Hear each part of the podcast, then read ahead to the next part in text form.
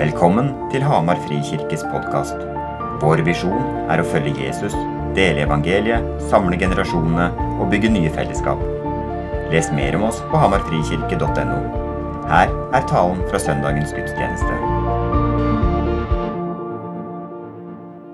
Det er, eh, det er godt å vite at uavhengig av omstendigheten vi erfarer, enten det er her på Hamar nå, eller det er på jobb eller studiehverdagen, eller dere som skal ut, så er, eh, så er Jesu navnet det er større enn vår omstendighet. At um, vi som erfarer nå alt som vi erfarer med korona, med nedstengninger, med gode dager eller dårlige dager, eller spennende dager, så er Jesus større og i omstendigheten vår. Og det Ja, det var bra.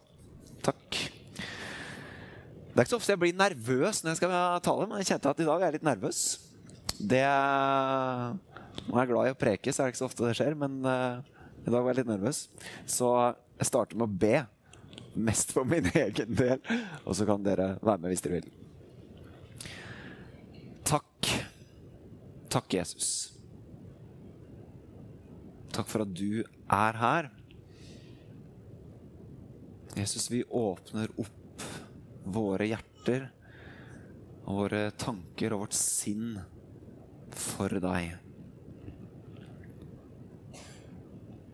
Kom, Hellige Ånd, og skap i oss det du vil skape i dag. Amen. All right. Så bra. Godt nyttår. Godt nyttår. Ja, bra. Fint å se dere. Um, jeg har hatt en helt ok jul. Helt, helt grei. Det, snakket, det, er, det er litt sånn viktig for meg å si at uh, ikke liksom hause opp jula til å være noe annet enn den var. Fordi jula mi var helt ok. Det var fint. Uh, men, uh, men, det var ikke noe, sånn, det var ikke noe hype over jula i år. det var egentlig veldig deilig når hverdagen starta igjen. På mange måter. Og så har jeg liksom kjent på for det semesteret her at jeg går inn i et litt sånn snodig semester for min egen del. Jeg har søkt om studiepermisjon i mars og april. Og skal ut og reise litt og skal sitte og lese teologi og jobbe litt på småbruket og litt sånn. Og vi er en menighet som har bestemt oss for å ha en del menighetsmøter og skal gå en prosess det semesteret her. Og det er litt sånn, et litt annet semester for min egen del. Og et semester for for oss som menighet som eh, starter så annerledes enn det vi hadde sett for oss. Og så veit vi ikke hvordan det semesteret her ender med nedstengninger og hva det skal være. Men jeg har lyst til å si litt inn i det semesteret vi har foran oss som menighet. Jeg har lyst til å sette ord på um, din og min Eller en, sette ord på en invitasjon til deg og meg som en del av Hamar frikirke for det semesteret her.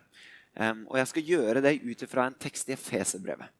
Men bakgrunnen for alle, eller majoriteten av de nytestamentlige tekstene, som eller brevene, det er jo den julefortellingen vi har lagt bak oss.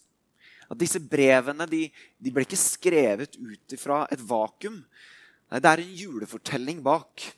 En fortelling som noen gikk ut og fortalte. Efeserbrevet ble skrevet til en menighet som oppsto fordi noen gikk og fortalte om Jesus i Efesos. De fortalte om et barn i en krybbe. Om en mann som med sine ord og med sine handlinger og med sitt liv kom med Guds rike til jorda.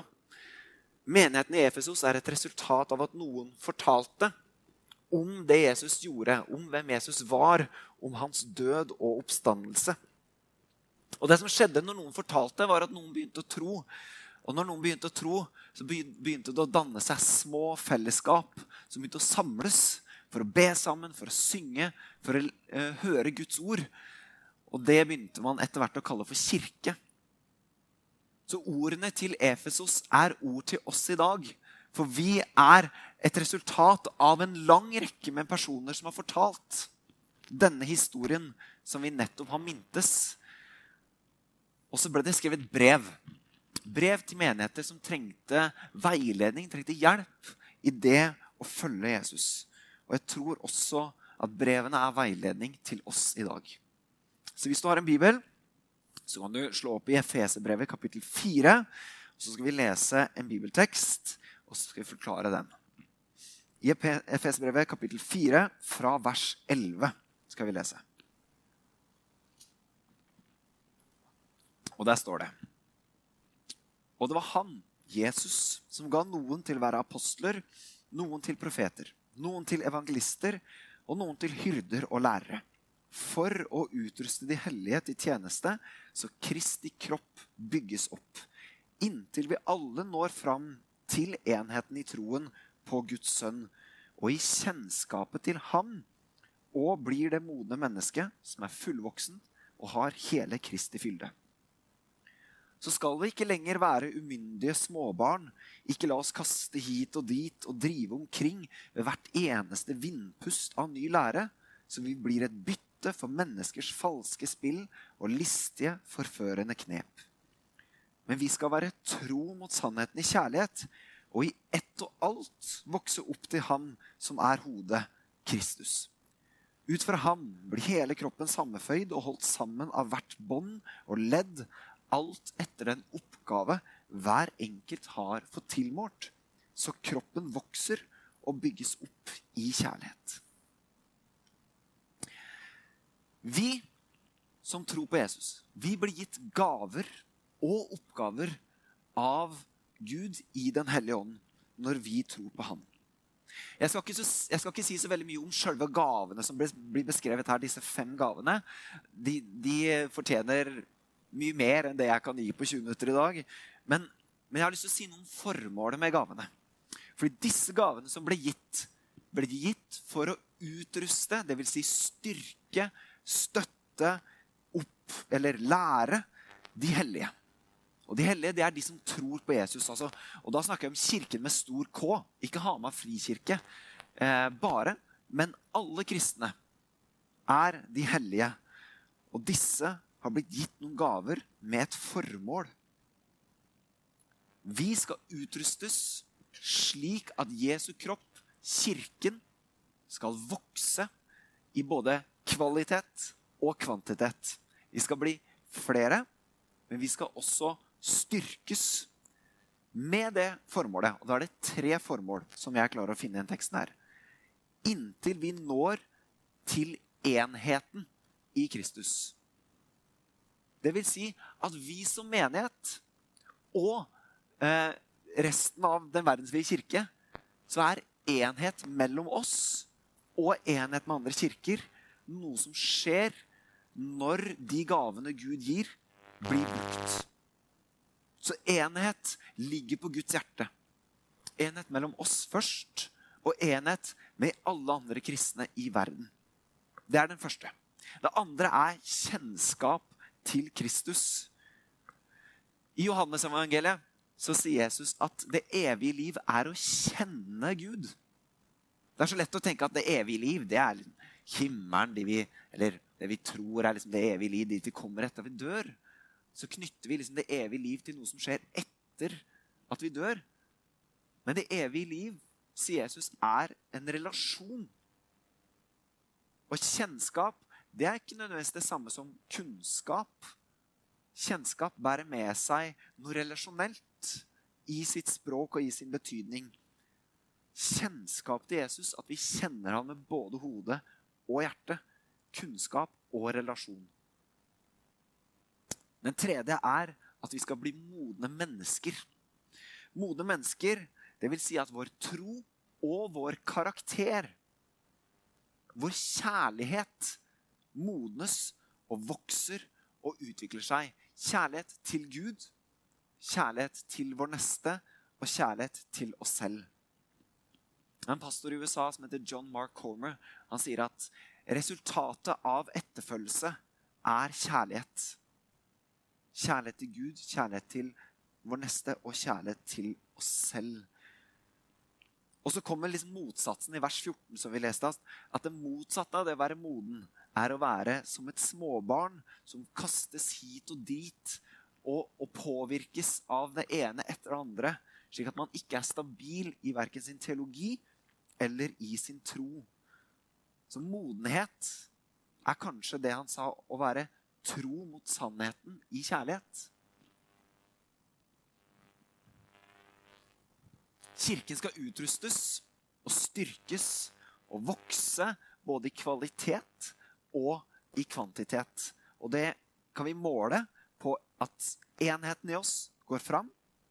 At vi kjenner Jesus med både hode og hjerte. Og at vi blir mennesker som vokser i vår karakter. Spesielt det med kjærlighet. Og så er det Kristus som holder hodet sammen, eller holder kroppen sammen som hodet. Og hvordan gjør han det? Jo, han gjør det, ut, som vi leste i vers 16, at ut fra ham blir hele kroppen sammenføyd og holdt sammen um, av hvert bånd og ledd, alt etter en oppgave hver enkelt har fått tilmålt. Det vil si at din og min oppgave og gave bruker Jesus til å holde kirken sammen. Og her kom vi inn på det jeg har lyst til å sette ord på. At enhet mellom kristne. At vi kjenner Jesus og vokser i vår modenhet og karakter, skjer når vi bruker de gavene og utrustningene vi har fått fra Gud. Fordi det er det Jesus bruker til å holde kroppen sammen. Det betyr at din og min involvering, din og min rolle, din og min gave har en betydning for Kirken. For oss som menighet, men også den verdensvide kirke. Fordi Jesus bruker det til å holde hele sin kropp sammen. Så enhet og kjennskap og modenhet er kjennetegn på en kirke hvor gavene som vi har fått fra Gud, brukes. Og så er spørsmålet hva betyr det? Jeg er en type jeg, jeg, Min personlighet, da eh, Når jeg tar sånn eh, personlighetstester eller atferdsprofiler, og sånne ting, så scorer jeg skyhøyt på alt som har med utvikling og fremgang å gjøre. Um, så når jeg liksom leser sånne tekster som handler om ja, hvis vi gjør det, så vokser Kirken, så blir jeg sykt gira. Jeg tenker ja, ja, Kirken skal vokse. Og så blir jeg veldig gira. Og det er litt min personlighet. Men så kan det være du sitter her og blir sliten bare av tanken det kan være du sitter her og har gjort alt. Du har brukt gavene dine.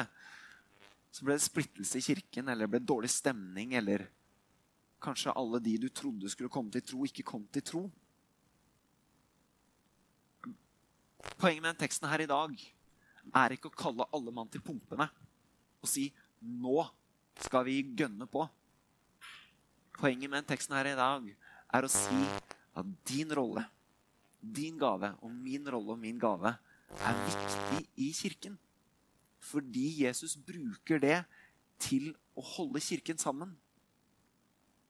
Din og min involvering har faktisk noe å si, samme hvor liten eller hvor stor den er. Nå snakker vi om involveringen. Og det håper jeg inspirerer deg, for det sier noe om at du har betydning. At du er viktig i kirken både for oss som menighet, men hele Jesu kropp, så er du viktig. Og der er det én fallgruve å gå til, som veldig, veldig mange av oss ofte ender i. Og det er at vi begynner å se hverandre for det vi gjør og bidrar med, ikke for den vi er. Og da blir den, det jeg gjør, oppgaven min, blir det som gir meg verdi, ikke det jeg er. Og den fallgruven må vi passe oss for. Fordi den, det er den du er, som er viktig. Og så er spørsmålet hvordan du skal du bruke alt du har blitt gitt. Men jeg har lyst til å si, jeg har lyst til å invitere deg til å tro at den du er, det du har fått fra Gud, har en betydning i kirken. Og det har en betydning for oss. Og det gjelder femåringen til 95-åringen. For der er det ikke visdom eller alder eller kunnskap som har noe å si. Så er spørsmålet igjen, da. Sånn helt praktisk, konkret, hvordan ser det her ut hos oss? Hvordan skal vi utruste hverandre? Hvordan skal vi bruke gavene våre? For det blir jo neste spørsmål. Det, er, det her kan jo bli veldig fine ord. Men hvordan? Hva har det egentlig å si? Og for å si det litt flåsete, så veit jeg ikke. jeg har noen tanker. Eldsterådet og staben har noen tanker. Men, men vi har ikke konkretisert dette. Men vi som menighet, vi valgte for noen år siden en visjon som sa vi skal følge Jesus. Vi skal dele evangeliet. Vi skal eh, samle generasjonene, og vi skal bygge nye fellesskap. Dette er på en måte våre ord for hvordan vi som kirke skal leve og være. Men dette er veldig fine ord. Men så er spørsmålet igjen hvordan hvordan skal dette foregå? Praktisk sett. Og så igjen er det jeg som skal bestemme hvordan dette skal foregå? Nei. Fordi i Frikirka så er det sånn at det er menigheten som fellesskap som leder og styrer og bestemmer over seg sjøl. Det er ikke jeg som pastor som er øverste leder i Frikirka. Det er menigheten som bestemmer over seg sjøl. Vil si at Eldsterådet ønsker at vi dette semesteret skal gå i en prosess hvor vi skal svare på hvordan-spørsmålet. Hvordan skal vi følge Jesus? Hvordan skal vi dele evangeliet? Hvordan skal vi samle generasjonene? Og hvordan skal vi bygge nye fellesskap? Fordi Hvis vi ikke svarer på hvordan, så blir det bare ord. Og så kan det være du tenker at det skal skje på den måten, skal være du tenker at det skal skje på den måten, mens jeg tenker på en helt annen måte. Og så trekker vi masse forskjellige retninger. Og så er det noen av oss som, som syns det er gøy, og så er det noen som syns det er krevende med sånne prosesser. Men hvordan skal vi gjøre dette? Fordi det henger sammen med dagens tekst. Fordi din og min involvering, din og min gave, rolle og person har en betydning for hvordan dette skal se ut. Da har jeg lyst til å invitere deg hvis du ser på dette som din menighet, eller har lyst til å se på dette som din menighet, så har jeg lyst til å invitere deg inn i den prosessen som vi skal gå det neste semesteret. Fordi du er viktig. Din stemme er viktig. Og det mener jeg med hele mitt hjerte. For jeg har virkelig ikke lyst til at dette skal være meg og mine meninger, eller kun Eldsterådet og Eldsterådets meninger. Og det mener jeg enten du er 5, 15, 25, 55 eller 75 år. Din stemme det semesteret her er viktig. Og du kan involvere deg på følgende måter. Du kan delta på menighetsmøte. Og menighetsmøtet det er det øverst styrende organ i Frikirkesamfunnet. Det er der menigheten bestemmer over seg sjøl. Og vi skal ha en haug med menighetsmøter det semesteret her. Vi har bestemt tre foreløpig i, mars, nei, i januar, februar og mars. Og første er 26. januar. Onsdag 26. januar så skal vi ha første menighetsmøte hvor vi skal begynne denne samtalen. Og du er hjertelig velkommen til å delta. Det andre du kan gjøre, det er å sende en mail til Eldsterådet og si 'Dette mener jeg'. Sånn syns jeg det skal se ut. Dette er mine gaver. Dette drømmer jeg om. Og så kan du be om en samtale med meg eller Anders som pastorer. Og vi har kontordager på tirsdager og fredager. Og vi har lyst til å snakke med dere. Så hvis du har noe på hjertet, så skal du ikke være redd for å sende oss en mail og si kan vi ta en kaffe og en prat. Dette har jeg på hjertet. Kan du høre? Og så skal vi lytte til det. Og så finner du kontaktinfoen vår på nettsida vår. Og så har jeg lyst til å invitere deg til å be. Be for Eldsterådet. Be for menigheten. Be for den prosessen her. Slik at dette hvordan-spørsmålet kan få gode svar som er i tråd med oss som kirke, og hva Gud kaller oss til som kirke. Din bønn tror jeg har noe å si. Du kan be for deg selv. Be for dine egne gaver. Og hvis du ikke veit hva dine gaver er, så har vi lyst til å hjelpe oss med å finne ut av det også. Slik at dette, dette er ikke bare ord som skal henge i løse lufta. Vi må finne ut av disse, disse tingene. Hva er min gave? Hvis vi ikke klarer å svare på det, da må vi hjelpe hverandre da, og sette ord på det. Og når du ber, så må du stoppe opp og lytte. Du må stoppe opp og bli stille, fordi kanskje Gud også vil si noe. Og hvis vi bare prater og prater og prater, og prater, da sier Gud 'gjør det, gjør det, gjør det', gjør det. Og så har Gud til å si 'ja, men dette er det jeg vil'. Hvis vi ikke stopper, så kommer ikke han til. ikke sant? Så vi må stoppe opp, og så må vi lytte når vi ber for disse tingene.